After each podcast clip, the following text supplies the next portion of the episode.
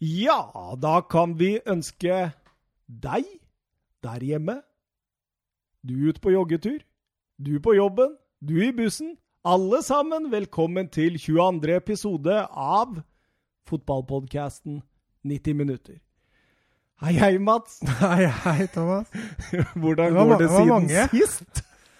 Nei, siden sist. Jeg har sjekka telefonen da, siden sist. Så jeg er ikke så mye mer enn det. Ja, for vi har jo nettopp spilt inn episode 21, som omhandla La Liga. Ja. Og denne gangen så er ligatipset vårt, eh, tabelltipset, er Bundesliga. Ja. Begge de to ligaene starter opp i kveld. ja. Åh, hva tenker du om årets Bundesliga? Nei, altså, jeg har ikke fulgt så mye med Bundesliga før nå. Eh, så det blir veldig spennende å se. Jeg tror eh, Altså, øverst var det litt lettere å tippe. Nederst så har vi mye å lære. Ja, ja, ja. Absolutt. Vi, eh, vi lærer mer og mer, og jeg har fått en del sånne informanter, kan vi kalle det det? Hørtes kriminelt ut. Ja da, ja da. Det, var, det er i hvert fall kriminelt bra for meg, fordi Ja. jeg lærer mye tysk fotball om det for tiden, og liker det jeg ser og hører. Ja.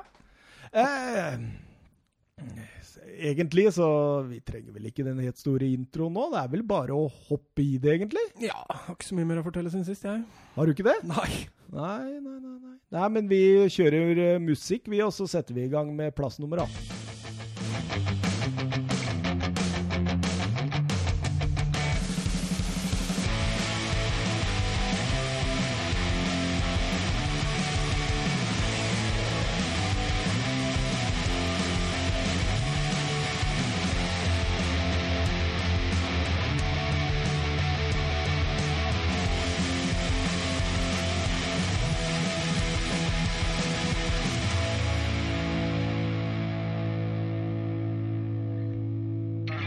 Ja da, ja da, Mats. Eh, Da var vi i gang igjen, vi.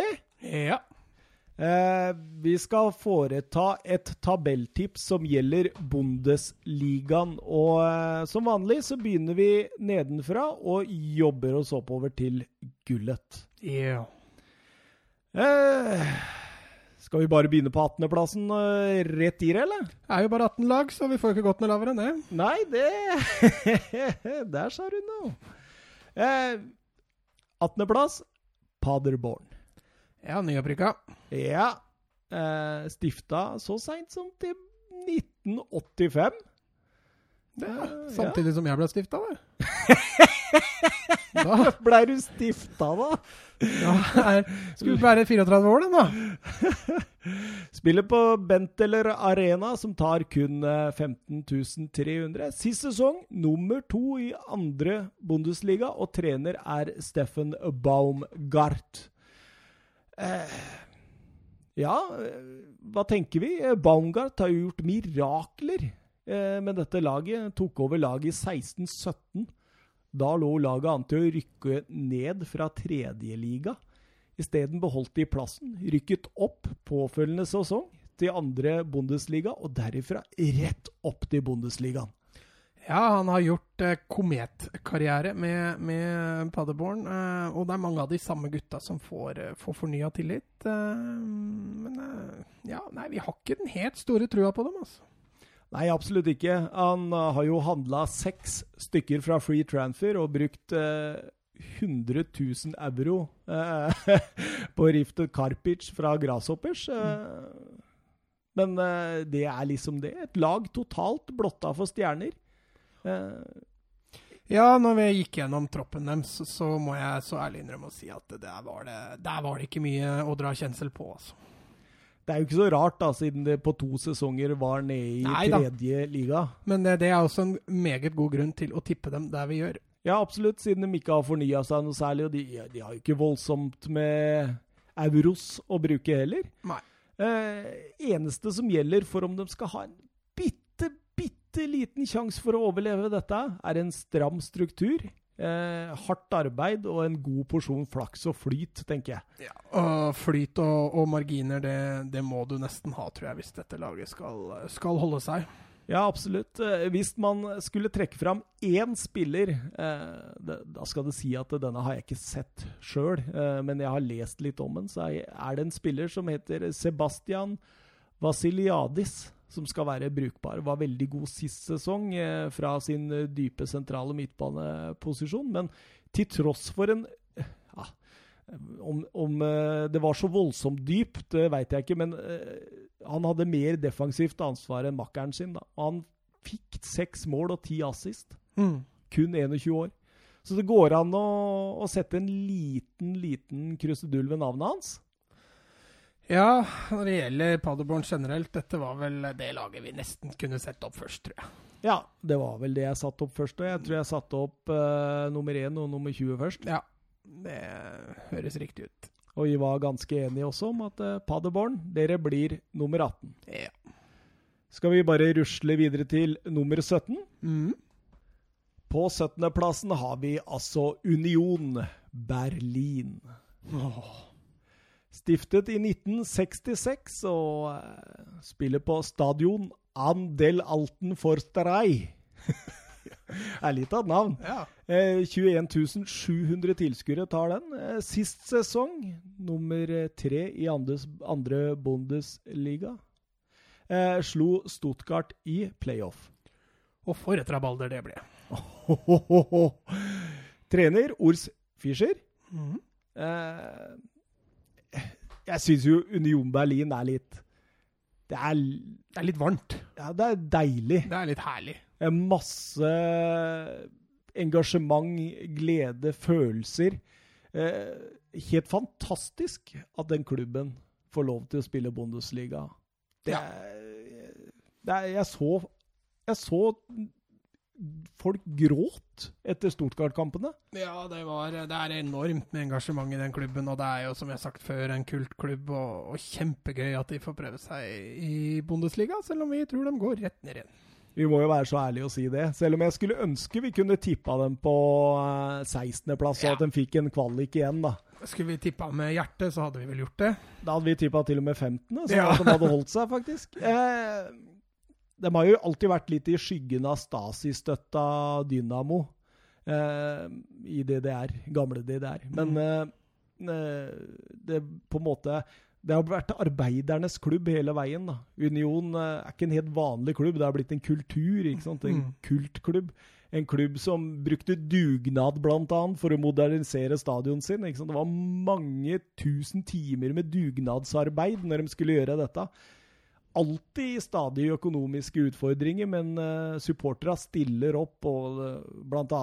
Blø for Union. Jeg veit ikke om du har hørt om det? Nei. Nei, da stilte en haug av supportere opp og ga blod, og fikk tilbake litt penger som de da ga til klubben. Og de trykte, trykte også opp masse T-skjorter hvor det sto 'Blø for Union'. Det er klasse. Ja, ja, det er helt fantastisk.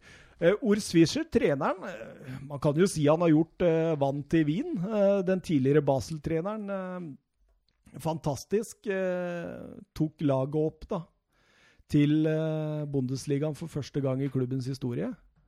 Eh, Men han har en ganske interessant CV. har han det, eller? Han har jo vært i både Thun og Zürich og Basel før han, før han dro, til, dro til Berlin. Det han gjorde i Basel, var riktignok det han var mest kjent for, der han hadde et poengsnitt på over to, faktisk. Så Det han, er brukbart. Han, han, han, er ikke, han er the real deal, han, altså. The real deal. Brukt uh, 7,4 euro på 12 spillere. Det er en del free transfers der òg. Ja, ja, men det er det jeg mener. Altså, da tar jeg med de free transfersene Mm. inni der. Eh, hentet to på lån, eh, to fra U19-laget, og har en eh, relativt stor stall å disponere. Det er masse spillere i den stallen. Ja, det er helt enormt. Eh, kanskje mest profilerte, Neven Subotic. Husker du han? Og for uh, oss uh, eliteserieelskere, så er Uja der, da. Ja, Og Kroos, eh, det ringer jo et navn bjelle der. Ja, Kroos, hvem kan det være? Felix sådan, ikke Tony. Ikke Tony, nei. Det er hans uh, bror. Stemmer. Ja. Og så er det jo en nordmann der, da. Julian Ryersen. Ja. Han uh, sa jo at det var noe av det mest spesielle han noen gang hadde opplevd når det opprykket var klart, og det skjønner jeg godt. Ja. Nei, jeg tror han uh, stort sett sliter benken, altså. Jo da. Uh, men eh, ja Jeg tror de vil slite voldsomt. Jeg snakka også med en, med en eh, Bundesliga-ekspert som er eh, meg bekjent. Ja, Han skal komme etter hvert i studio til oss. Også. det blir deilig. Han eh, sa det at det er først og fremst tempo defensivt i de to defensive leddene, da, på en måte. Der vil de slite voldsomt. Så du kan jo bare tenke deg hvordan det kan gå når de skal møte f.eks. en uh, K-mann og en uh, Gnabry og diverse. Uff. kan, kan gå fort i svinga der. Ja, I hvert fall på allians. Så får vi se, da. Det største sjansen til at de kan ta en del poeng og sånt, jeg tenker det er hjemme. Mm. Eh, Skape et fort der. Eh, Stå på, jobbe knallhardt. Det blir litt som Paderborn. At du må ta den veien, liksom. Nytter ikke med noe fint spill å prøve å spille ut motstanderen her. Da, da ryker du skikkelig, tror jeg. Nei, det som er viktig for Union, blir å, å være ærlige med seg sjøl og hva, hva man er god på. Når, når det er sagt, så er jo Fischer en relativt eh, offensiv trener, og, og kan jo hende han går på en liten smell der hvis han eh, skal eh, underholde på alle matchene han spiller. ja, absolutt. Eh, skal vi ta 16.-plassen, eller? Ja. Og på den neste plassen da finner vi FC Augsburg. Eh, stifta 1907. Spiller på WWK Arena. eh, 30 600 tilskuere ta den. Eh, sist sesong nummer 15 trener Martin Schmidt. Sveitsiske Martin Schmidt eh, hadde en veldig god sesong første sesong i Mainz, men eh, dabba deretter, og i Wolfsburg eh, overbeviste han virkelig ikke. Så nå har han fått sjansen med sitt tredje Bundesliga-lag, og så får vi se hvordan det går. Ja, han hadde jo en positiv greie i Mainz uh, før det gikk litt skeis. Uh, Wolfsburg fulgte han jo opp med å bare fortsette å gå skeis. Uh, lykkes han ikke i Augsburg nå, så, så kan det hende han må gå et steg tilbake. Da kan det bli kroken på døra. Kjent for en eh, 4-2-3-1, men stilte opp i en eh, slags 4-2-2-2 i cupen og første runde mot eh, Wertel, eh, som de tapte 2-1. Så det, det var ikke noe styrketegn. Nei, det var en svært dårlig start. Og Nei, det påvirka faktisk litt mitt tips også, at de, de skulle starte så dårlig. Uff, ja, den er tung. Eh, brukt noen euro. Eh, mange spillere, men få euro. Så det tyder jo også på at det er ikke voldsomt kvalitetstegn. Det dyreste, Thomas Kubek, som kommer fra Renn, og han husker jo fra den enorme feiringen han hadde her. Husker du det? Ja, Og det var mot PSG det i cupen. Han redda straffesparket og løp over hele banen i en ekstase og eufori som du sjelden ser på fotballbane. Fantastisk. Eh, Ellers så vil jeg trekke fram Iago, eh, en back fra Brasil, som de henta for eh, 6,5 euro. Mm. Eh, Brukbar eh, spiller etter rapportene. Eh, ellers så kommer det inn veldig mye, veldig mye sånn der Én, 1, 2, 3 millioner euro. Reece Oxford fra Westham er en av dem. Mm. Han litt eh, småkjent for oss eh, anglofile. Eh, men det verst av alt er jo at de har mista Martin Hinteregger til Frankfurt for 12 euro. Den, Ja. den, den suger litt, faktisk. Det er et eh, ganske stort tap. Eh, men eh, hvis, man lag, hvis man føler da at laget skulle se litt kjedelig ut, så kan man jo kikke litt bort på eh, Sami Kediras bror Rani, som også har en plass der.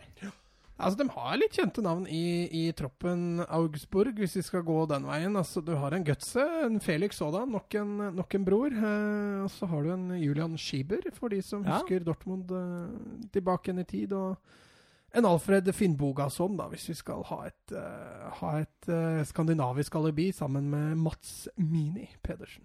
Mats Mini Pedersen. Jepp. Det fins en Mini til. skjønner du. Eh, likevel, eh, vi tror vel ikke dette holder noe særlig annet enn til kvalik.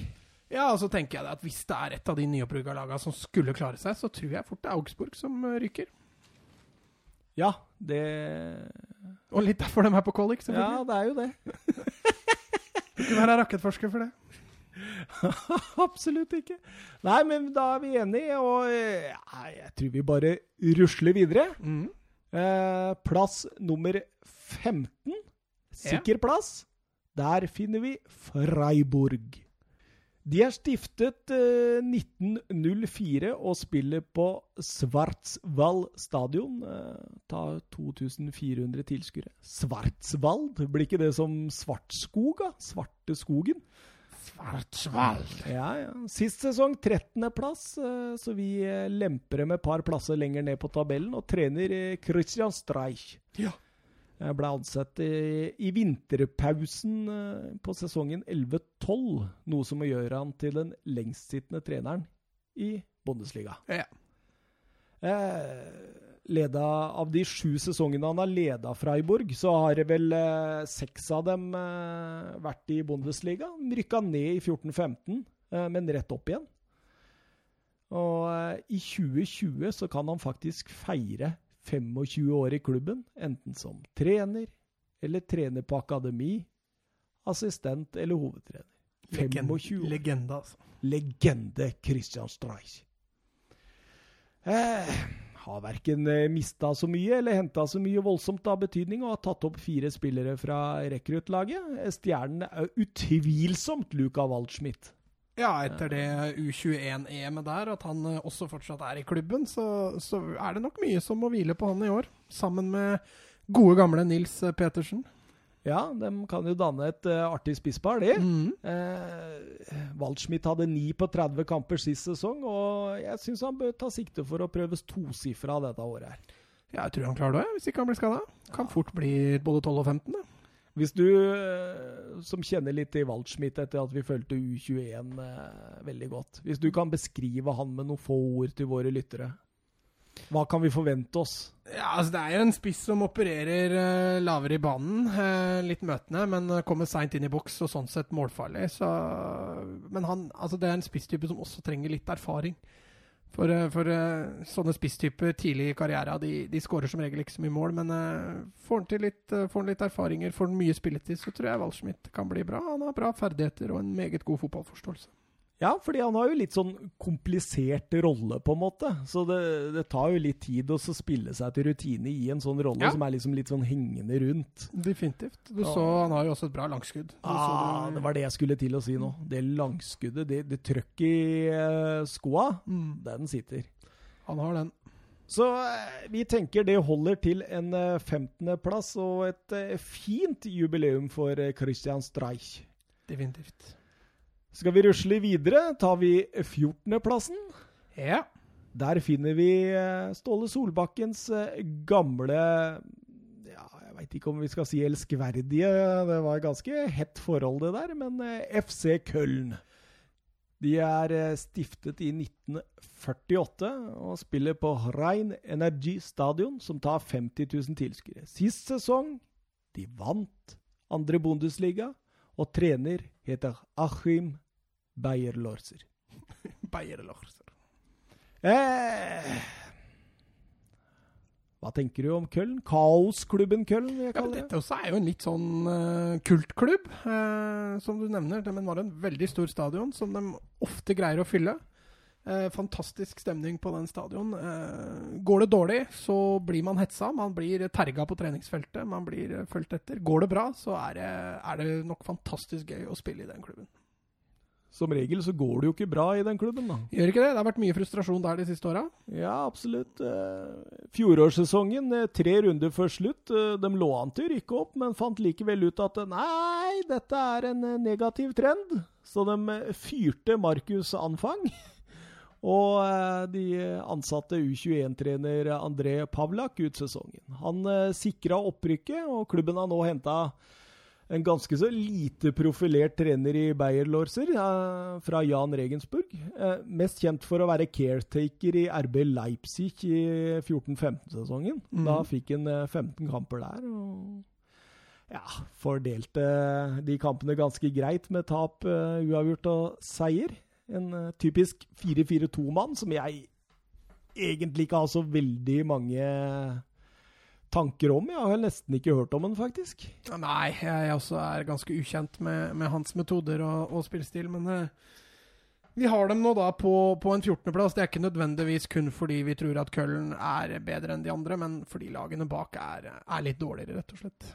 Ja, og så finner du fortsatt profilerte spillere som Jonas Hector og Antony Modeste, som er to av de mer kjente. Ja. Eh, finner også et par spillere som er spennende. Jorge Mere, en 22-årig stopper som ble henta for Sporting Gion. Og Som, som også var, eh, var på U21. eh. Ja, absolutt. Og eh, Cordoba, den colombianske spissen som bøtta inn mål sist sesong. Ja, Så har vi jo noen danske alibier her også, da, i Fredrik Sørensen og, og Nicolas eh, Nartli. Ja, og i sommer har de også henta tunisiske Elis Shikiri fra Montepiller for 12 euro, så de bruker litt penger òg. Så eh, det, det er jo i motsetning til de under som Jeg kan ikke tenke meg at uh, verken i hvert fall Augsburg, Union Berlin eller Paderborn hadde kunnet drømme om å bruke 12 millioner euro Nei. på en spiller. Vi, eh, de er nok litt bedre stilt økonomisk. Det er jo også en mye større klubb så med, med en, si, en bedre historie. Så det blir spennende å følge Köln i år, både med tanke på størrelsen den klubben har, men også det forvent enorme forventningspresset som er rundt hvert eneste år. Ja, absolutt. Eh, er, du har sett de der videoene når Solbakken eh, kjefter eh, Kjefter eh, disse reporterne sønder og sammen Ja, på tysk. Han, eh, men han fikk jo en ordentlig aha-opplevelse når han kom til Köln. Det har han jo sagt etterpå sjøl også, at eh, det var nok kanskje ikke Han hadde gjort en del research, men det blei allikevel ikke helt som forventa. Det, eh, det var et enormt ytre press både fra journalister og fans, og, og når resultatene uteblir, så Selv med stor stjerne som Padolski på laget, så var han eh, blei det nedrykk det året.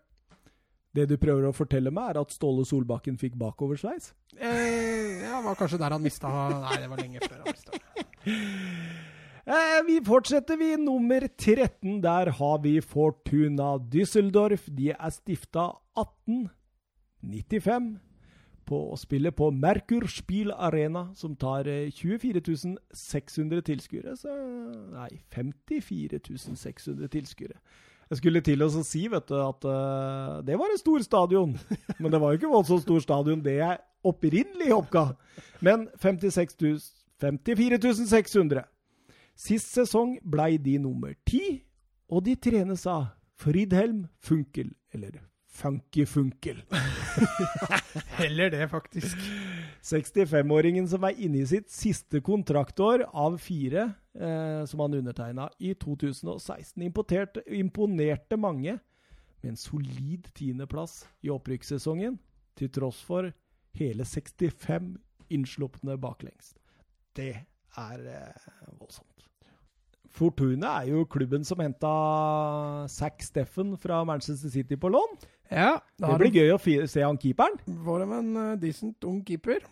Ja, Han var vel kåra til en av de beste eh, gjennom tidene keepera i MSL, så Ja. det må jo være kvalitet de har fått bak der. Det må det. Han har jo erfarne Mikael Rensing som, som konkurrent, så blir spennende å se. Ja, ja, nei, Jeg tror han danker ut han lett, i hvert fall i forhold til rapportene det har vært på han. Ja da.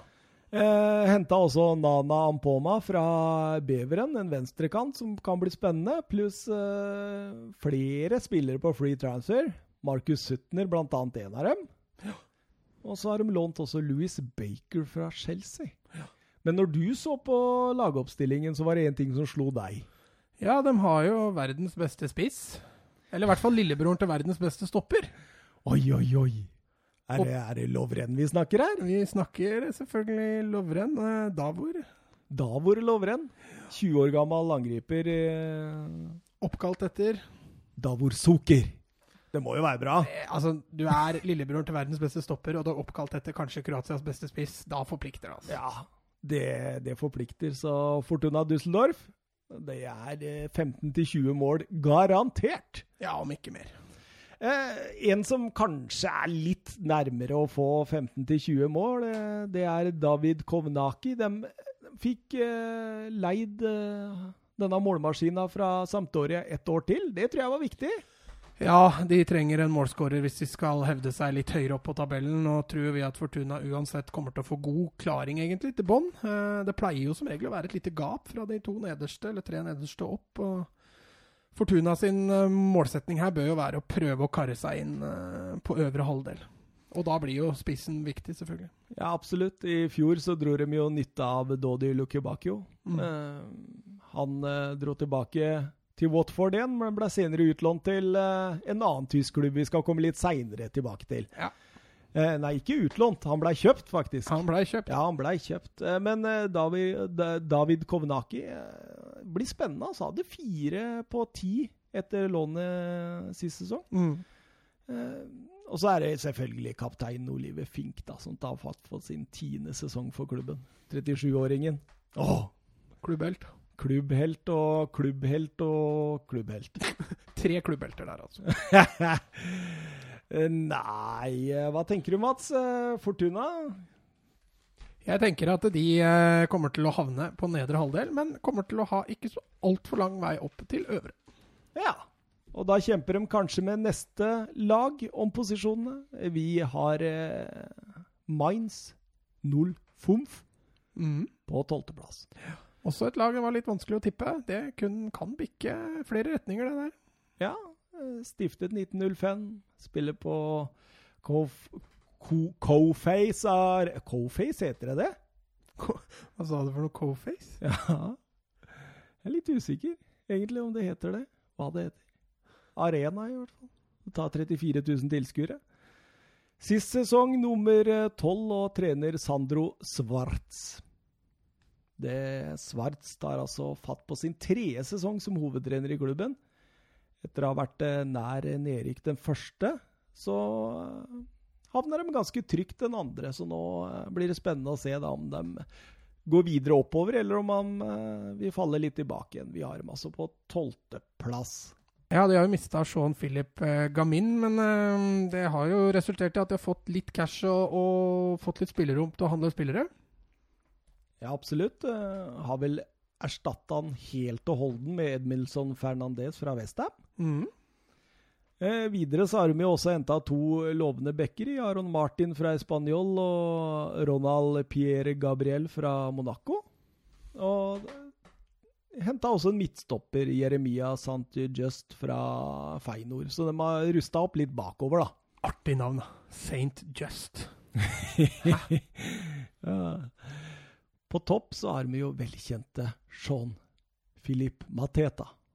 Franske U21-angriperen er ute med tre måneders skade i starten her. Det er Ja. et lite blow, men Det er et stort eh, blow. Eh, tror nok de kommer til å sitte og vente litt på at han skal komme tilbake igjen. Eh, nå er det jo, som vi har vært inne på, flere lag som er ganske mye svakere, sånn jeg ser det, enn Mainz. Og så selv med han ute, så, så vil de nok plukke en del poeng. Men, eh, men jeg tror ikke Mainz kommer til å kjempe så veldig mye høyere enn midt på tabellen i år. Nei, og så er vi jo vel bekjente med han eh, Robin Quaison, han eh, spissen til eh, Sverige. Han senka vel Norge på Ullevål, så vidt jeg husker. Det gjorde han, vet du. Han uh, får vel en uh, viktig rolle framme der. Han, eh, ja, altså, han kommer jo til å trekke det opp. Eh, Mateta er ute, så får han nok en enda litt viktigere rolle. Eh, Nei, han er en artig type å følge. Følte han så han jo litt med Sverige, så han har litt å bidra med, han. Og unge keeperen Florian Müller, som vi også kjenner fra U21-mesterskapet, satt stort sett på benken for Nybel. Han øh, vil nok få noe å henge i fingra i, tenker jeg. Ja. Skal nok få kjørt seg litt, rann, øh, i hvert fall mot de bedre klubbene, så tror jeg Mainz vil få det tøft. altså. Men jeg tenker jo det, Mats, at det, hvis du er en ung keeper i dag, er det ikke da bedre å spille på et lag der du får kjørt deg litt, du får litt imot, kontra f.eks. å spille for et lag som sjelden slipper til de store målsjansene og sånt. Det må jo være ekstrem trening i dette. Ja, det er vel det du sier òg, at treningen må jo være mye bedre å spille for lag som får være litt heitere rundt døra. Eh, Du får, må, må håndtere mange flere situasjoner enn en du hadde mått hvis du hadde spilt for et, eh, for et bedre lag. Så det er ikke sikkert det er så dumt for unge, lovende keepere å spille litt lenger ned på tabellen. Nei, god skole for eh, Florian Müller.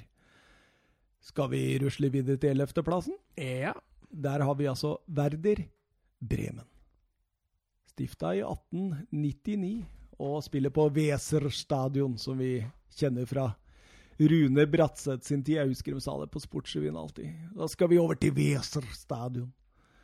Eh, tar eh, 42 500 tilskuere. Sist sesong nummer åtte, og trenes av en meget spennende trener i Florian Kofelt. Ja.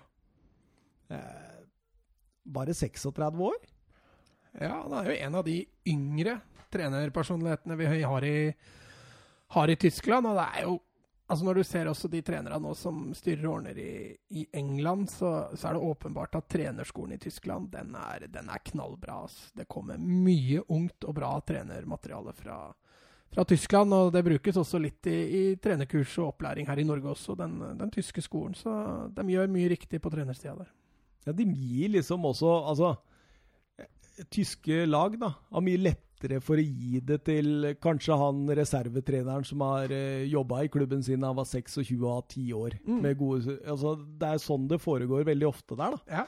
Og det samme er jo med Florian Kofelt. Han eh, tok seg oppover i systemet og tok over A-laget i oktober eh, 2017 en 4-3-3 eh, offensiv trenertype som fikk eh, årets trenerbemerkningen etter å ha tatt over et nedrykkstrya lag eh, på høsten 2017 og sikra dem en plass midt på tabellen. Nye steg sist sesong, åttendeplass. Men er mannskapet godt nok til nye steg? Vi er veldig usikre. Ja, jeg er også veldig usikker. Altså, Verde Bremen er en, er en stor klubb, og de har selvfølgelig noen, noen spennende typer, men Nei, midt på tabellen høres ut som et, som et eh, godt tips, uh, syns nå vi. Kanskje bitte litt høyere hadde de beholdt Max Kruse. Han hadde 11 sist sesong, men dro på free transfer til Fenebache. Mm. Erstatta med Niklas eh, Jeg er ikke sikker på han. Han har ikke gode stats i det hele tatt, og var veldig dårlig den ene kampen jeg så han i Hanover sist sesong. Mm. Eh, treeren på midten eh, velkjente Nori, Sahin eh, i den dype, med meget talentfulle Maximilian Eggerstein ja. på, på, den ene indreløperen. Og Davi Klasen, som vi kjenner godt fra et mislykka opphold i Everton. Ja, han er vel et uh, Ajax-produkt, hvis ikke jeg husker helt feil. Uh, en uh, Midtbanen er vel kanskje den sterkeste posisjonen de har. Ja, absolutt. Det blir spennende. Og de, de har også en eh, veldig spennende angriper i Josh Surgent, som eh, kan komme til å vise seg å ta et ekstra steg eh, dette året. Ja, så har vi sett før da, at amerikanere de, de, får det til i Bundesliga.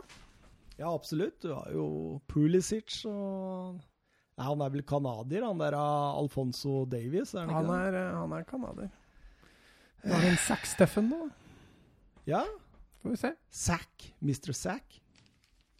Skal vi rusle videre, eller? Vi går eh, fort og gærent videre. Ja.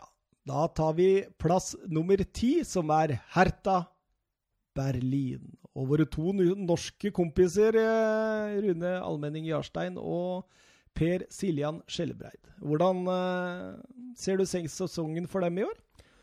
Jarstein tror jeg nok eh, kommer til å, å, fortsette å være fast. Han har jo vært eh, det soleklare førstevalget til Herta de siste sesongene. Eh, så får vi se da med, med Siljan. Om han, han, sleit jo benken på slutten av sesongen i fjor og fikk ikke altfor mye spilletid. Nei, og sånn jeg ser det også, så er det vel to spillere foran, i, den, i hvert fall i den dype rollen som han lå mest i. Mm. Eh, klubben stifta i 1892 og spiller på sagnomsuste Olympiastadion, som tar 74 500 tilskuere. Sist sesong nummer 11, og trener Ante Kovic. Eh, kjenner du til Kovic? Nei, altså ikke noe sånn voldsomt. Han har vel vært nå i, i, i Hertha Berlin-systemet siden 2010 eller noe sånt. Så han har jo vært lenge i Hertha, men uh, som hovedtrener i, i Hertha Berlin så, så ikke, har han jo ikke vært så veldig lenge. Nei, han uh, tok jo over i sommer, han. Uh, er en uh, 4-2-3-1 eller en 4-3-3-type, sånn i hvert fall han har oppført seg på reservelaget deres. fått henta spennende Dodi Lukebakio der, altså. Han har vi litt tru på i år. Mm. En svær målskårer eh, som eh, aldri fikk innpass i Watford. Jeg syns det er litt rart, jeg. Ja. Nei, han, jeg det tror jeg kan hende Hertha har gjort et varp, rett og slett. Ja, de har også henta en annen stor kar i Dedrik Boyata fra Celtic på free transfer, og Edvard Løven fra Nürnberg for 7 euro. Det mest interessante da, det er Marco Grujic, som de har henta på lån fra Liverpool. Ja. Han har eh, i de første kampene, eller den første cupkampen og i treningskampene tatt den defensive rollen i den treeren og nærmest gjort den til sin. Har vært veldig bra i oppkjøringen. Nei, altså Offensivt så syns jeg Herta ser meget spennende ut. Du har jo også gode gamle Salomon Kalou, som, som uh, har vært der noen år nå. Så Nei, jeg tror offensivt ser det, ser det, bra ut. Og det er vel det som også vi tror løfter dem opp på øvre halvdel.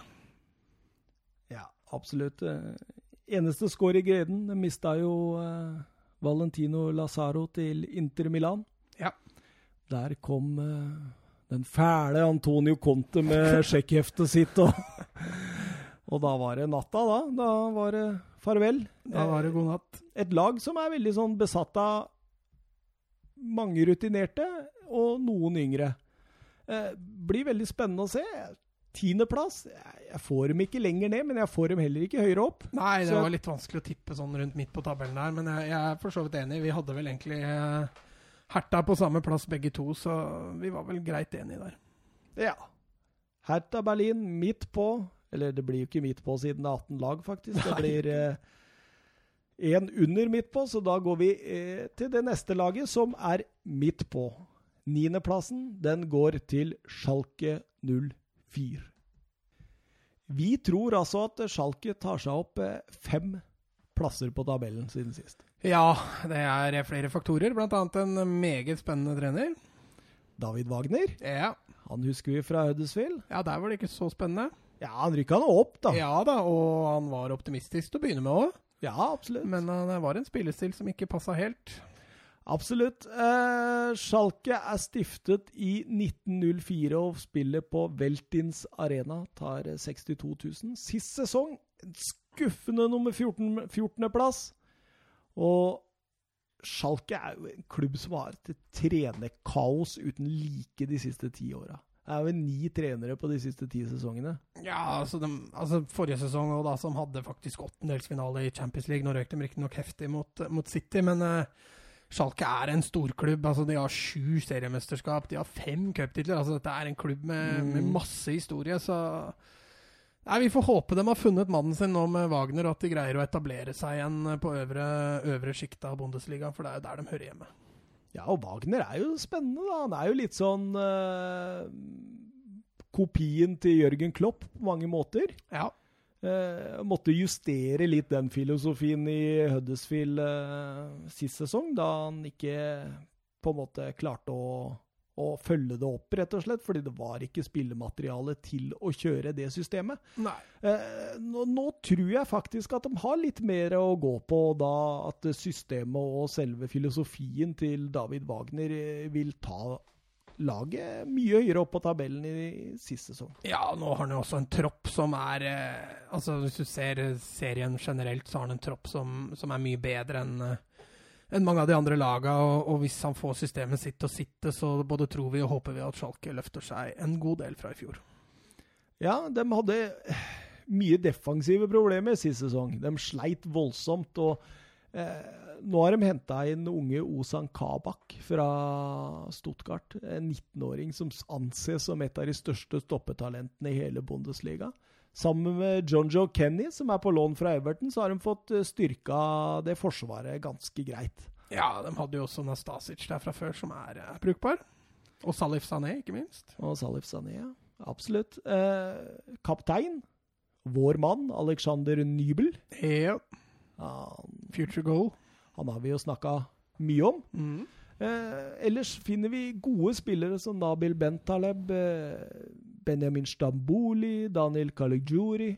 Eh, alle habile typer som kan uh, hjelpe Wagner med å, å, klatre litt oppover på tabellen. Ja, det var jo også Mark Ott som fikk eh, landslagsdebuten sin i, i fjor, uh, og Konoplianka som La Liga-entusiaster og Sevilla-fans husker fra, fra, den tida. Så det er, det er, litt spennende det han har å råde over. Og Rabi Matondo. Har du hørt om han, eller? Nei. En walisisk unggutt som uh, var i City. Uh, City er jo blitt litt som Barcelona, at de er kjent for å gi fra seg talentene sine. Og de gis ikke bort, bare så det er uh, klart. ja, det skulle tro at de hadde kasta talenter rundt etter andre klubber. Fikk sju kamper i fjor. etter overgangen fra City i januar. Jeg har håp om at han tar noen steg, og at han kan spille seg inn. En Mm. veldig spennende spiller. Mye fart. Høres ut som en god spiller for Wagner òg. Ja, absolutt. Eh, Skal vi eh, rusle rett over til åttendeplassen? Kjør uh, Wolfsburg, du. Wolfsburg, ja. Var det det du sa? Mm. Åh. Wolfsburg er stiftet i 1945. Rett etter annen verdenskrig, altså. Eh, spiller på Volkswagen Arena. Tar eh, 30 000 tilskuere. Sist helt oppe i eh, kampen om eh, Europa. Fikk også den sjetteplassen. Og trener er eh, Oliver Glasner. En eh, ny trener etter at eh, Bruno Labadia ikke ønsket å fortsette mer. Eh, litt synd for Wolfsburg, da Labadia redda dem fra nedrykk i 17-18 og tok en sterk sist, sjetteplass sist sesong. Ja, og så er det jo litt synd for Lass Klins òg, for, eh, for uh, godeste uh, Oliver Glasner. Han har gjort en meget god jobb der også, så det var vel en av grunnene til at Wolfsburg ville ha han. Uh, opererer veldig ofte i 3-4-3, så det er en veldig spennende trenerfigur. Ja, Wolfsburg ønska jo opprinnelig Marco Rose eh, som erstatter. Eh, men Gladbach vant den eh, kampen og den signaturen, og da gikk valget på Roses argeste konkurrent i, i Lask Linz. Så Mm. det, da, da får du den lille rivaleriet der igjen, da. Det blir veldig gøy, fordi de var vel litt sånn i tottene på hverandre og sånt også. Litt ekstra engasjement der. Altså. Ja, Oliver Glasner er en eh, 3-4-3-trener med fire sesonger bak seg i Lask Linz, som du sa, med stor suksess. Og han tok også med seg Joao Victor, en eh, kantspiller som brasiliansk sådan, Mm. som eh, kan bli meget spennende. Eh, Xavier Schleger, som vi husker fra U21, kom fra RB Salzburg, og Kevin Mbabu fra Young Boys. Han henta litt sveitsisk og østerriksk og har en filosofi og en ja, jeg, har ganske tro på dette opplegget her, faktisk. Ja, og så har de også en del rutine der. Altså en Jeffrey Bruma, som de fleste sikkert kjenner, og en, og en Camacho, som, eh, som var en up and coming spanjol for eh, Malaga for en tid tilbake. Så det er, eh, det er mye spennende og interessant de kan komme med Wolfsburg. Og selv om vi tipper dem litt ned, så er det et lag som absolutt har potensial til å gå høyere. Ja, absolutt. Og så har du jo han spissen, vet du. Wurt Wighorst. Han skårer en del mål. Ja, nederlenderen. Absolutt. Ja, han eh, blir nok en viktig brikke, han også. Absolutt. Så det jeg, jeg, Ja, nei, det, de kan pushe litt eh, for europaplassen, men vi har dem på åttendeplass. Ja. Absolutt. Eh, skal vi ta sjuendeplassen? Der var det litt diskusjoner blant oss. Ja, vi sleit egentlig litt med å plassere alle de tre laga vi, de tre neste laga, inkludert Wolfsburg, eh, hvor vi skulle ha dem hen. Ja, Men- fordi alt fra femte til åttende der kan det, det, er nesten som å kaste noen eh, terninger, bare, og så håpe på et resultat. Ja. Det er ikke Nei, det er litt sånn uh, Ja, nei, det var ikke så lett. Men sjuendeplassen, da, etter litt grann eh, argumentasjon og diskusjon, så eh, fant vi fram til Eintracht Frankfurt. Ja, det var ikke så rart vi diskuterte litt. De har jo mista sin aller største stjerne, og kanskje også sin nest største stjerne, så det, var, det, er litt, det er litt som å gjøres opp der. Absolutt. Klubben stifta i 1899. Eh, Spiller på Commersbank Arena. 51 500 tilskuere. Sist sesong nummer sju, så vi setter dem på nøyaktig samme posisjon. Ja. Og trener Adi Hutter. Er du kjent med han, eller? Du sa du likte han uh, før uh, sending her. ja, det er en spennende type, sa jeg. Ja. Uh, så vi får se, men Nei, jeg, jeg var en av de som ville ha Eintracht Frankfurt på litt høyere. Ja, du ville det. Mm.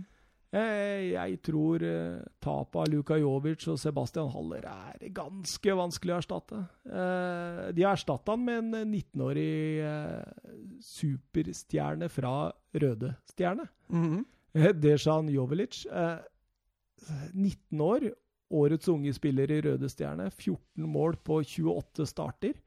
Bøttet inn med mål i aldersbestemte, og årets unge spiller, som sagt.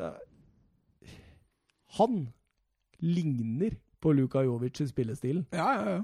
Det der blir gøy å følge med på. Det skal bli artig. Det er en av de liksom på en måte topp fem eh, spillere jeg gleder meg mest til å følge i årets Bundesliga. Ja, definitivt. Defensivt. Men så har de jo også greid å beholde Kostic og Rebic. Og, og så har de også fått trapp permanent fra, fra PSG. Så de, de jeg syns det ser OK ut uh, defensivt. Og så blir det spennende å se hva de, uh, hva de greier å trylle fram offensivt. Ja, og så har de jo et av de største talentene i Europa når det kommer på stopperplassen, i Evan Ndika. Mm. Så det, han uh, har jeg også veldig tro på i framtida. Uh, Hytter kommer til å kjøre den vanlige, vanlig 3-4-1-2, han. Mm. Uh, ta fatt på sin andre sesong etter han kom fra Young Boys. En berg-og-dal-bane av en sesong. Vi hadde jo dem litt innom uh, Europa League. Uh. Ja, vi snakka en del om dem på våren i fjor. da de også skulle safe inn i spare spillere og sånn, og det, det, holdt på å gå ordentlig galt. Ja, og det var litt sånn Jeg husker det at det var vel ikke noe lag i Europa som hadde en sånn mer markant forskjell på formen i Europa og hjemlig serie.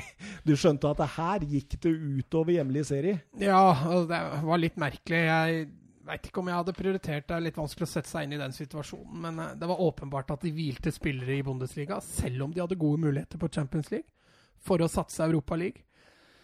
Jeg veit ikke. det ettertid så kan det kanskje ha lønt seg å ha gjort det motsatt, med tanke på at det ble jo aldri noe Europaliga-eventyr. Det er helt uh, umulig å si. Han uh, gambla i hvert fall, da. Og de hadde jo Chelsea i kne lenge, det må vi ja, da, ærlig si. Det skal ikke ta fra Eintracht Frankfurt egentlig noe som helst, for uh, de kom, uh, kom, forhåpentligvis styrka ut av det der og lærte masse. Skal vi ta sjetteplassen? Ja. Hoffenheim. Stiftet i 1899. Hjemmebane Rein Nekar Arena. 30 000 tilskuere. Sist sesong nummer ni etter to sesonger i topp fire. Trener Alfred Schröder. Eh, vi sender dem opp tre plasser fra sist sesong. Eh, selv om de har mista Julian Nagelsmann pluss fire svært viktige spillere, i Linton, Demi Bayer, eh, Nico Schulz og Amiri. De har solgt det sammen for 111 euro, altså. Ja, det er en klubb som drives meget bra, og det har de vel også alltid gjort. Det er en eh, positiv klubb sånn rent økonomisk. Ja, de har jo bare brukt 30. De har henta Robert Skov uh, fra FCK. Bøtta inn mål der. Uh, Bebov fra Hanover, to som kan prege kantspillet i klubben. Og så har de henta det som omtales som den nye Nabi Keita. Mm -hmm. Eh, Samaseku heter han. En eh, god midtbanespiller. Dynamisk begge veier. Eh, kom fra RB Salzburg, som sagt, eh, foran denne sesongen. og mm. eh, veldig mange, inkludert eh, noen av mine tyske kilder, som eh, nevner han spesielt foran denne sesongen. Ja. Eh, Skal vi ta med det norske alibiet? Håvard Nordtveit? Ja. Ja, Han sitter vel på benken, tenker jeg? Han sitter nok på benken. Ja, Han har ikke fått mye tillit fra Alfred Schrøder, han? Nei, etter Gladbach-tida med Håvard så har det dessverre gått eh, nedover. Eh, vet du hva Alfred Schrøder gjorde sist sesong? Mm, ja, nå er det vel noen lurespørsmål for høre. Ja, han, han, han jobba ikke som baker eller noe? Nei da, nei da. Han var assistenttrener til Erik Den Haag i Ajax. Ja. Så han har klatra litt opp og tatt over hovedansvaret for en klubb. Det er jo et spennende valg. Ja, ja. Bygger opp eh, spillet sitt veldig ofte med kortpasninger bakfra. Opptatt av avstander og skape diamanter. Midtre eh, bekk i treeren eh, holder alltid dypt, sånn at defensive midten kommer ned. Ikke sant? Mm. Så skaper du en sånn Det er han veldig opptatt av. Varierende presshøyde. og Kantene går ofte kommer ofte trekke helt ned i treeren eller stå, stå høyt med angriper. Altså det er veldig sånn eh, Veldig dynamisk, veldig sånn der uh, fotball som du Det er litt sånn nymotens fotball. da. Her har du gjort hjemmeleksa, ass. Ja, jeg har uh, studert litt Hoffenheim. Jeg syns det var litt moro at han var uh, assistenten til Ten Hag og skulle se hvor lik han var Ten Hag. Og mm. det er ganske lik, med noen små unntak, da. Ja. Ja. Eh, Ten Hag er jo en veldig sånn 4-3-3-mann. Ja. Eh, der, han er ikke helt der, han, men han bruker også kantene eh, ganske vitalt. Så ja, jeg, jeg tror Hoffenheim vil få en god sesong, jeg. Mm. Skal vi ta nummer fem? Kjør, kjør nummer fem, du. For nummer fem, der har vi Borussia München Gladbach. Ja. Stiftet eh, 1900 og spiller på Borussia Park, som tar ca. 50 000 tilskuere. Sist sesong, nummer fem, trener Marco Rose.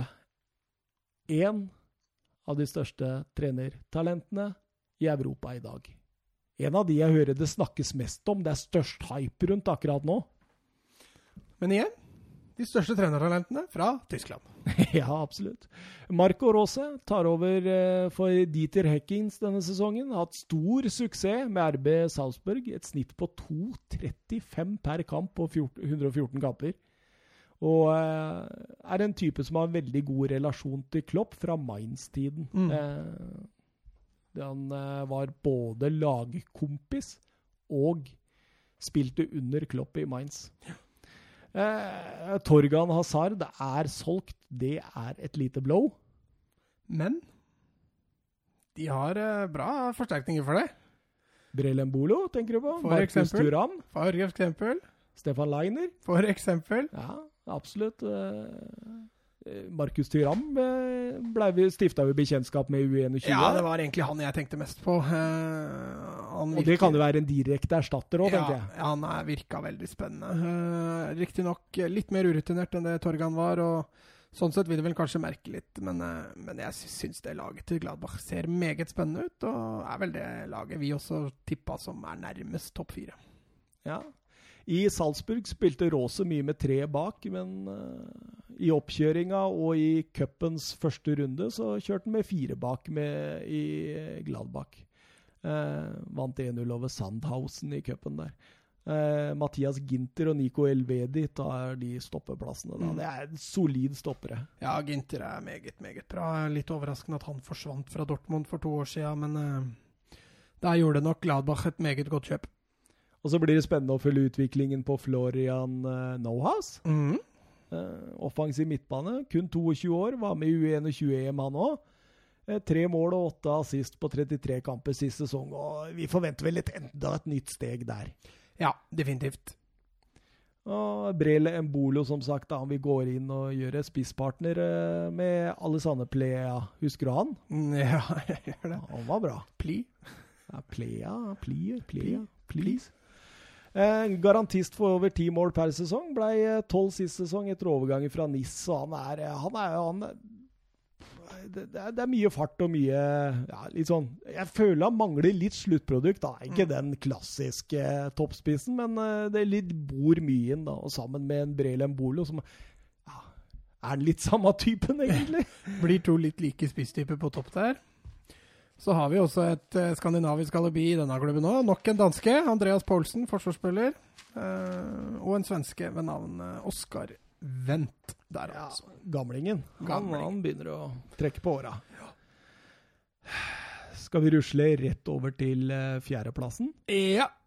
Eh, her er det mye spørsmålstegn, syns jeg. ja vi, vi var veldig fram og tilbake på hvor vi skulle ha dem. Ja, vi var det. Vi, vi vurderte egentlig alt fra, fra tredje til femte. Ja. Eh, det mente på tredje sist sesong. Mm. Og da snakker vi om RB Leipzig. Yeah. Stiftet i 2009. Spiller på Red Bull Arena og trener Julian Nagelsmann. Din mann. Min mann. 32 år. Ja. Han er jo knapt nok eh, eldre enn han som satt i studio her i episode 20, jo. Ja, han er vel sju-seks år eldre. Ja, Litt mer erfaring. Han. litt mer erfaring. Det, Men han har jo vært Bundesliga-trener allerede i fem-seks år. Av Ole Martin? Nei. Jeg snakker Julian. Ja. Tror han blir stolt nå når han hører at vi sammenligner med Julian Nagelsmann. Ja, det er ikke noe dårlig, ikke noe dårlig sammenligning der. Det er ikke noe dårlig referanse. Eh, Leipzig tar fatt på sin fjerde sesong i Bundesliga. De har blitt nummer to, seks og tre. Så de har jo aldri vært under europaplass i løpet av den tida de har spilt Bundesliga. Eh, jeg leste litt noe morsomt, fordi de prøvde jo å få det til å hete Red Bull Leipzig. Men det eh, forbundet satte jo seg virkelig på bakbeina. Ikke sant? Mm. Og eh, da måtte de finne på noe lurt. Fordi det ville jo ha RB, Red Bull, det Ja. ville jo ha noe i det. Så det står for Rasenballsport Leipzig. Ja. Som betyr egentlig plenballsport Leipzig. Syns jeg var litt morsomt, faktisk. Da ble det RB Leipzig. RB Leipzig. Så det er ikke Red Bull Leipzig, det er plenballsport Ja. Leipzig. Eh, hentet mye ungt, som Ja. vanlig. Som vanlig, de er flinke på å dyrke, og de er jo ikke fattig, så de behøver heller ikke selge billig. Nei, eh, vil trekke fram tre spillere som jeg gleder meg ekstremt mye å følge i eh, årets Bundesliga. Ademulle Luckman fra Everton, henta mm. for 18 euro. Eh, rask.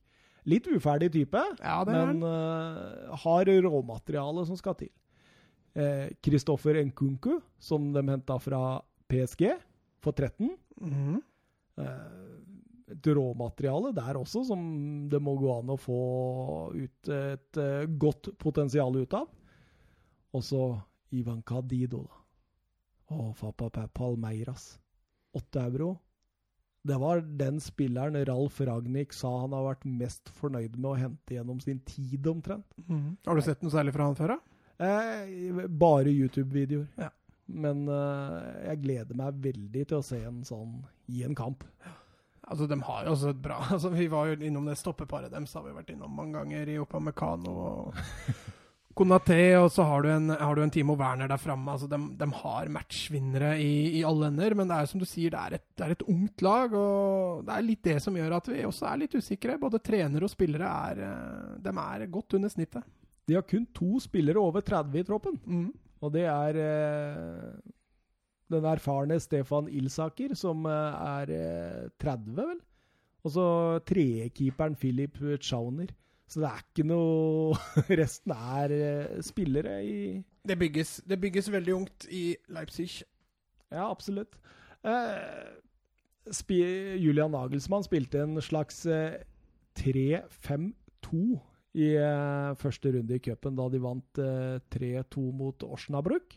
Eh, virket som Nagelsmann brukte Upamecano som deff eh, midt i oppspill for å skape trekanter bak. Så kanskje det er en idé han begynner å bruke. Skyve opp igjen. Eh, Upamecano har jo spilt litt høyere opp før, veit jeg, i tidligere deler av karrieren sin på midten. Så det kan bli spennende. Eh, Nagelmann har, ekspe har eksperimentert ekstremt mye i treningskampene så langt. Så det er tydelig at han jobber veldig for å finne den ultimate stilen. Da. Så det blir veldig spennende å se hva han kommer fram til. Men tidligere så har jo Nagelsmann vært eh, veldig opptatt av at det skal forsvares veldig smalt. Og husker jo spesielt kampen mot, mot Liverpool for to-tre år siden, hvor eh, det var enorme rom på kantene hvor Liverpool utnytta maksimalt. Så vi får se om han utvikler spillet sitt videre, det, Det var Champions League-kvaliken, det. Ja, var det kvaliken? Ja, Ja, det stemmer. det. stemmer, Det var kvaliken. Hoffenheim der, ja. Liverpool rundspilte Hoffenheim. Ja. Da slo den eh, backfire, den uh, taktikken, lite grann. Ja. Tredjeplassen. Jeg tror folk har begynt å skjønne hvor tredjeplassen er nå. Ja, jeg tror det. Ja. Det blir eh, Bayer Leverkusen. De er eh, stiftet i 1904. Hjemmebane Bay Arena. 30 200 til tilskuere er det plass til der inne. Sist sesong nummer fire, og trener eh, Peter Bosch. Gamle Ajax-treneren som dro til Dortmund, feila og fikk sjansen igjen. Og lykkes den perioden han har vært der. Ja, og det ser veldig positivt ut. Ja. Kun én sesong på de siste ti har Leverkosen endt på nedre halvdel. Og kun sju av de siste ti har det vært topp fire. ja. Så et lag som Sa jeg har kun sju av ti? Ja. ja. Det var litt feil. For sju av ti på topp fire, det er sterkt. Ja. Det var egentlig det jeg skulle fullføre med, at de har etablert seg godt inn på øvre halvdel. og ja, Dette var jo et av det laget vi vurderte om ikke vi skulle ha Leipzig foran. Eh, gått gjennom stallen, sett på treneren hva han fikk til i fjor. Eh, vi er vel egentlig ganske enige om at eh, tredjeplass høres riktig ut. Ja, så har de litt mer rutine da enn Leipzig, som gjør at det Ja. bikker den veien. Definitivt. Og så har de jo selvfølgelig mista Julian Brandt. Det er en kjempesmell. Eh, De mista han i tillegg ganske billig. Eh, Men, men eh, bortsett fra det, så har de jo beholdt det aller meste, og det ser, det ser spennende ut. altså. Kommer rapporter av at uh, godeste erstatteren til Julian Brandt, Moussa Diaby fra PSG, skal uh, være i gang. Ja. Så han blir spennende. Kun 19 år. Ellers så har de henta en veldig viktig uh, signering. Kerem Demibay fra Hoffenheim. En dynamisk midtbanespiller med en magisk venstrefot. Kan både brukes som en nummer seks og som en playmaker som nummer ti. Eh, Ja, eh, Demir Bay også. Ja, det er så for all del, eh, men det er jo også offensivt med, med Havertz og Våland som I tillegg da til Diaby, som du nevnte, så Nei, jeg syns det ser veldig spennende ut. En Leon Bailey som heller ikke har fått, fått ut det, alt det vi kanskje sitter og venter litt på, så Nadima Amiri. Oh. ja, ja, ikke minst. Ikke minst. Så det, det, det er mye bra fremover der, altså. Og bakover også ser det ganske solid ut. De har brødrene Bender der med, med min mann Jonathan Taha som som også skal eh, være med å styre sentrallinja bak der, så det blir eh, Nei, jeg gleder meg litt til Leverkosten. Tror de kan eh, fint havne på den bronseplassen. Ja, absolutt. Det er, det er mye offensiv power der. Mye unge, gode spillere, sultne spillere. Og jeg har til og med håp om at denne Paulinho kan få et gjennombrudd nå. Han blei jo kalt den nye Kaka når han kom dit. Ja. Men vi, vi får se. Vente litt på han òg. Vente litt på han, altså. Det, jeg syns det ser veldig sterkt ut med Bayer Leverkosen nå. Jeg tror de kan Jeg tror de kan slå foran seg i Champions League òg, jeg. Ja, de skal jo være med der og, og kose seg, så. Absolutt. Eh, da har vi to lag igjen, da. Ja, men kan du nevne Jeg vil bare teste deg nå, nå på, om det er noen nordmenn som har vært i Leverkosten? Ja, sikkert Jørn Andersen har ikke han vært i. Nei, Jørn Andersen har ikke vært der. Nei, Arne Larsen Økland. Ja? Og hvis ikke jeg husker feil, så er det faktisk en gammel Lillestrøm-spiller. altså. Erik Soler? Nei. Anders Giske. Ja, han er i hvert fall Men han er bergenser, tror jeg. Ja, men har ikke han vært i fjor, da? Jo, jeg lurer på det. Jeg er litt usikker. Ja, uansett. Nå var du en 30-40 år bakover i tid. Ja. Eh, Tredjeplass på Bayer Leverkosen, vi sier det. Ja. Unisont enig. Og som sagt da, to lag igjen. Ja. Gullstriden, hvem tror vi? Har vi baller nok til å sette Dortmund der? Eller går vi for det safe? Vi går for det safe. Vi går for det safe. Jeg- Nummer ja, to. Vi, eh, det er ikke, jeg blir ikke overraska hvis Dortmund tar gull. Ja, men da kunne du jo satt dem på nummer én, da. Ja, men jeg, jeg har fortsatt mest tro på at Bayern gjør det, men jeg blir ikke overraska hvis Dortmund tar gull. Nei, ok. Går ikke det an? Må man bli overraska hvis det er noe annet enn jeg syns man generelt sett skal bli overraska. Eh, Dortmund stiftet 1909, hjemmebane Signal Iduna Park. Tar 81 390 tilskuere. Sist sesong, nummer to, trener Lucien Favre. Ja, dette er et lag vi liker. Starta sesongen med å slå Bayern i supercupen. Ja. Meget ufortjent. Eh, Bayern var solid det beste laget. Dortmund var effektive. Når det er sagt, så spilte vel Dortmund den matchen kun med Nico Schulz av de nysignerte. Mm. Resten var uh, spillere fra i fjor. Ja. Vil ikke, vil ikke kaste alle korta på bordet enda. Nei, jeg så også det at eh, både Brandt og Hazard Han har ikke brukt de samtidig i år, så Det er mulig det bare er plass til én av dem i, i, i startelveren. Ja. Eh, spilte ikke Hummels, eller? Hummel spilte ikke. Nei, han, åh. Jeg sy jeg, det er mye gode kjøp her nå. Mange mener jo de vant uh, det europeiske overgangsmarkedet. Ja, altså Med tanke på hva de fikk, og hva de betalte, så, så er jeg til dels enig. Og hva den beholdt, kanskje, når vi snakker om Jaden Sancho. Ja, men jeg var egentlig aldri så redd for at han skulle dra. Han, de som skal kjøpe Jaden Sancho, de må ha mye penger. Og det er begrensa utvalg eh, lag, altså. Det satt ved noen røde i Manchester, og de har vel penger, de. Eh, Ja. oh. Vi snakka også litt i tidligere episoder om eh, Giovanni Reina. ja. Han eh, Flere som sier nå at han kan få kan få et lite gjennombrudd. Fortsatt veldig ung. Og så en eh, kar som kom fra Barcelona i juli, en 19-åring. Eh, husker ikke helt hva han heter nå. Er det Matteo Moray, eller er det Sergio Mateo, Gomez? Ta- Matteo Moray. De har en liten hånd dypt nedi det, la meg si. Ja, de har tatt, de tatt to, nemlig. Eh, Mateo Moray har fått prøve seg litt i vinter. Sergio Gomez ble jo leid ut nå, eh, var det foregårs vel, til Huesca. Så de har Matheo Matteo Moray er jo fortsatt i, i stallen. Ja. Eh, Vil du eh, høre en litt sånn spennende noen spennende nummer? Spennende nummer. ja, noen spennende statistikk? Ja, få høre. Eh, Lucian Favre han veksla jo veldig mye mellom 4-2-3-1 og 4-4-2 som utgangsformasjon i fjor. Mm, ja. Eh, I 4-2-3-1 så slapp de inn 1,19 mål per kamp og skåra 2,1. I 4-4-2 så slapp de inn 1,18 per kamp, som omtrent like mye, Mm. men de skårte 2,73. Mm. Og det Kanskje noe han vurderer videre? Ja, må jo tro det. Eh, eh, Lucien Favre kjører jo høyt press, ikke som under Klopp-tiden, men uh, veldig opptatt av å presse høyt og vinne ballen høyt. Uh, uh, vant jo ballen 12,64 ganger per kamp på, i sist sesong på øvre halvdel, eller på Mm, motstanderen som vant. motstanderen halvdel, så det er jo ganske gode tall. Ja, altså Det som kanskje altså Favre og, og Klopp da i hvert fall hadde som likhet, er at det skal gå hurtig framover. Løp i regneretning Og, og sånn sett er det jo det mange nå forbinder med, med Dortmund, at det er et angrepslag. Og det, det må de jo bare fortsette med. Blir Jaden Sancho årets spiller? Jeg er ikke så høy odds på det, ass. Jeg er enig i det. Fantastisk. Matchvinner og Ja.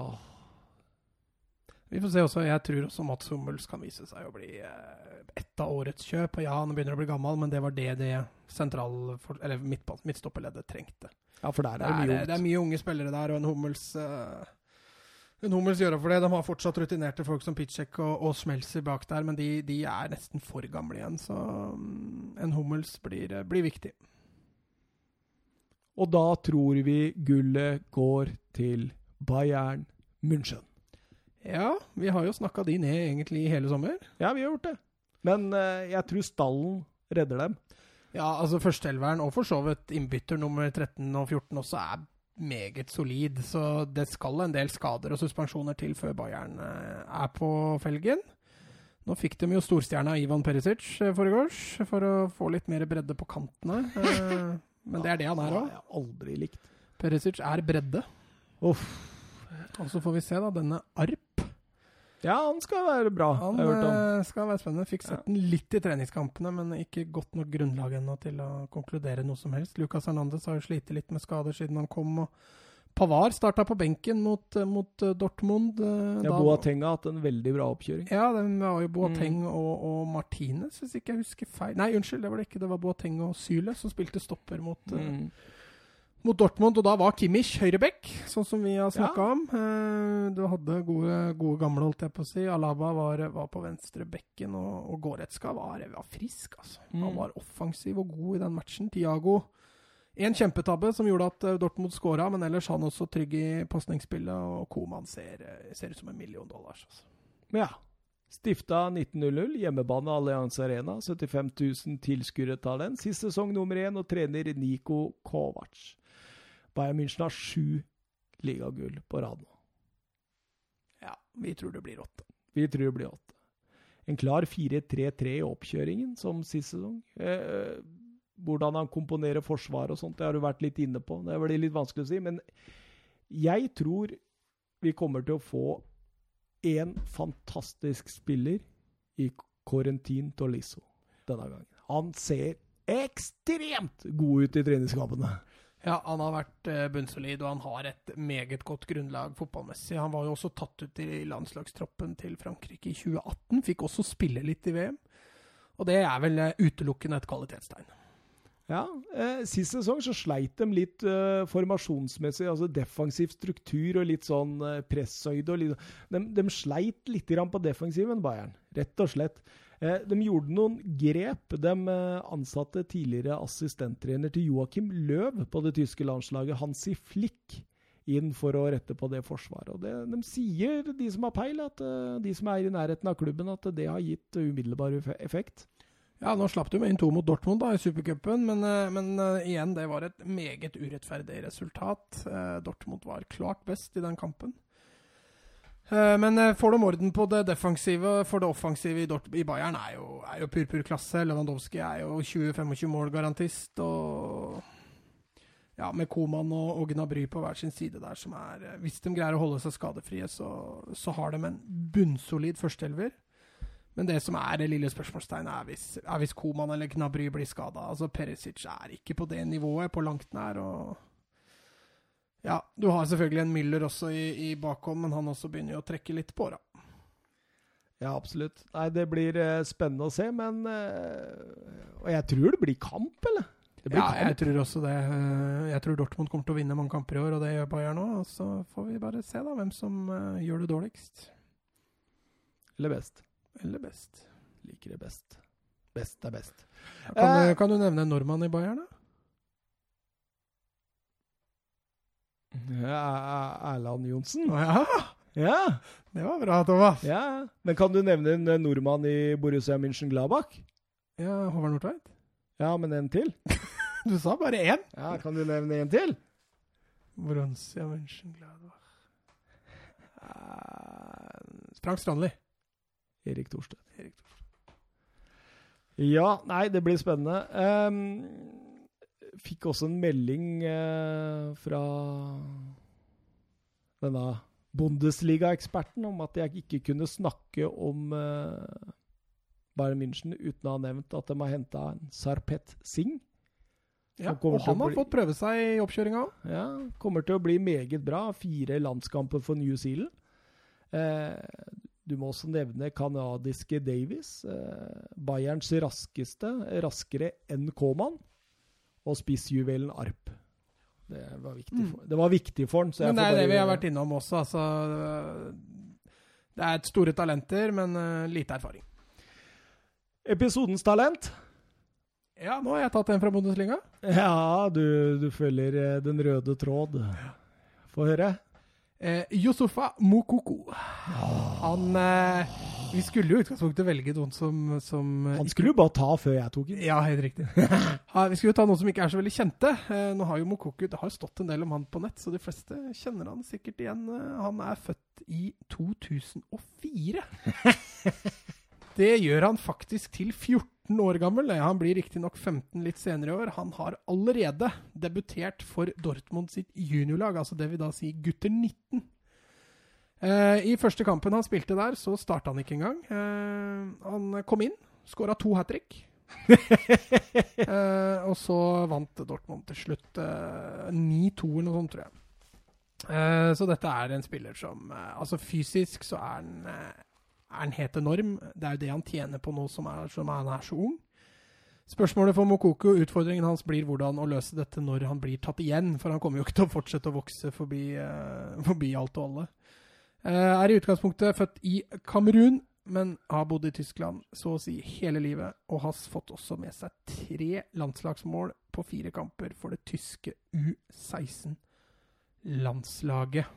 Oh. Er primært spiss, selvfølgelig, men kan også figurere på kantene. Og kan du Nei, nå fant jeg det ikke igjen. jeg skulle til å si, kan du gjette hvor mye han har vært i en alder av 14 år? Det er sikkert nok.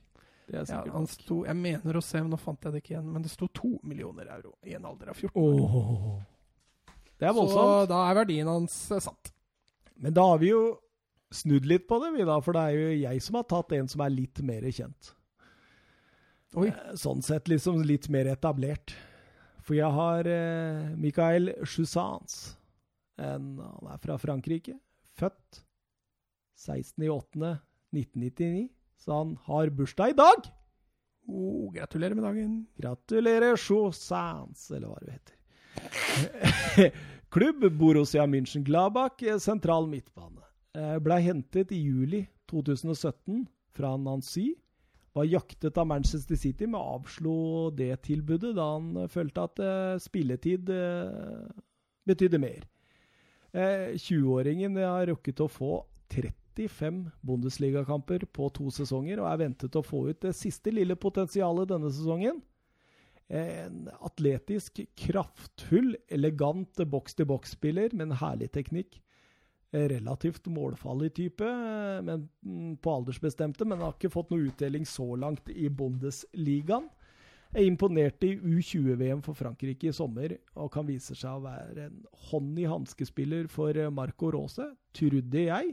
Inntil jeg hørte det at uh, han har egentlig ikke fått nok tillit av Rose nå. Og det driver og spekuleres i om at kanskje han går videre til Bayern München. Men det får vi se. Men Hvis det blir Bayern, da blir det salg. Da blir det salg og kanskje utlån. Jeg veit ikke. Mm. Uh, Syns han Det jeg har sett han, er ekstremt spennende. Så det kan bli en uh, fremtidig storspiller. Ja. Mm. Vi Da må huske vi å begynne å skrive ned disse talentene, så vi kan gå tilbake. Kan jo bare høre på dem. da. Ja, det er sant. Vi har det jo vi har det på tape. Da har vi Det var godt vi satte to episoder på dette her. For ellers hadde vi vært i tretimerskategorien, men nå er det to episoder, vet du.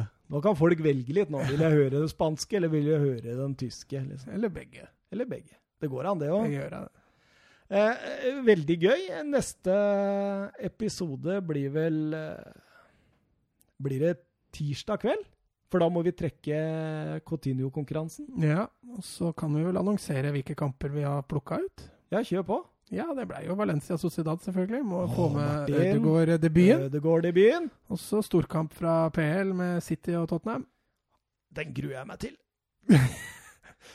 Kan denne bli kjip analyse for deg dagen etter? Det er litt tirsdag. Vi må ta det tirsdag, ja, for da trekker vi, trekker vi Men du har jo lika den Facebook-konkurransen du òg, så kanskje du vinner Cotinio? Kanskje jeg vinner Cotinio. Da, da går det jo litt bedre. Ja, da går det. Da blir det trøst. Da blir det trøst. Nei. Skal vi bare si på gjenhør? Hør. Ja. Fikk kjeft av deg for gjensyn. Nei, du fikk ikke kjeft. Det var mer en sånn kuriositet at det, det er ingen som ser oss. Nei, men når, når du er gjenhør Ja. Da hører du oss. Ja, men altså, vi hører jo ikke dem. Altså, du, Nei, de i- hører jo oss. Gjenhør. Det er jo to stykker da. Nei, de må høre oss igjen. Nei, men da Nei, okay, nå glir dette veldig ut. Skal vi bare avslutte? Ha det bra, alle sammen. Ja, ja.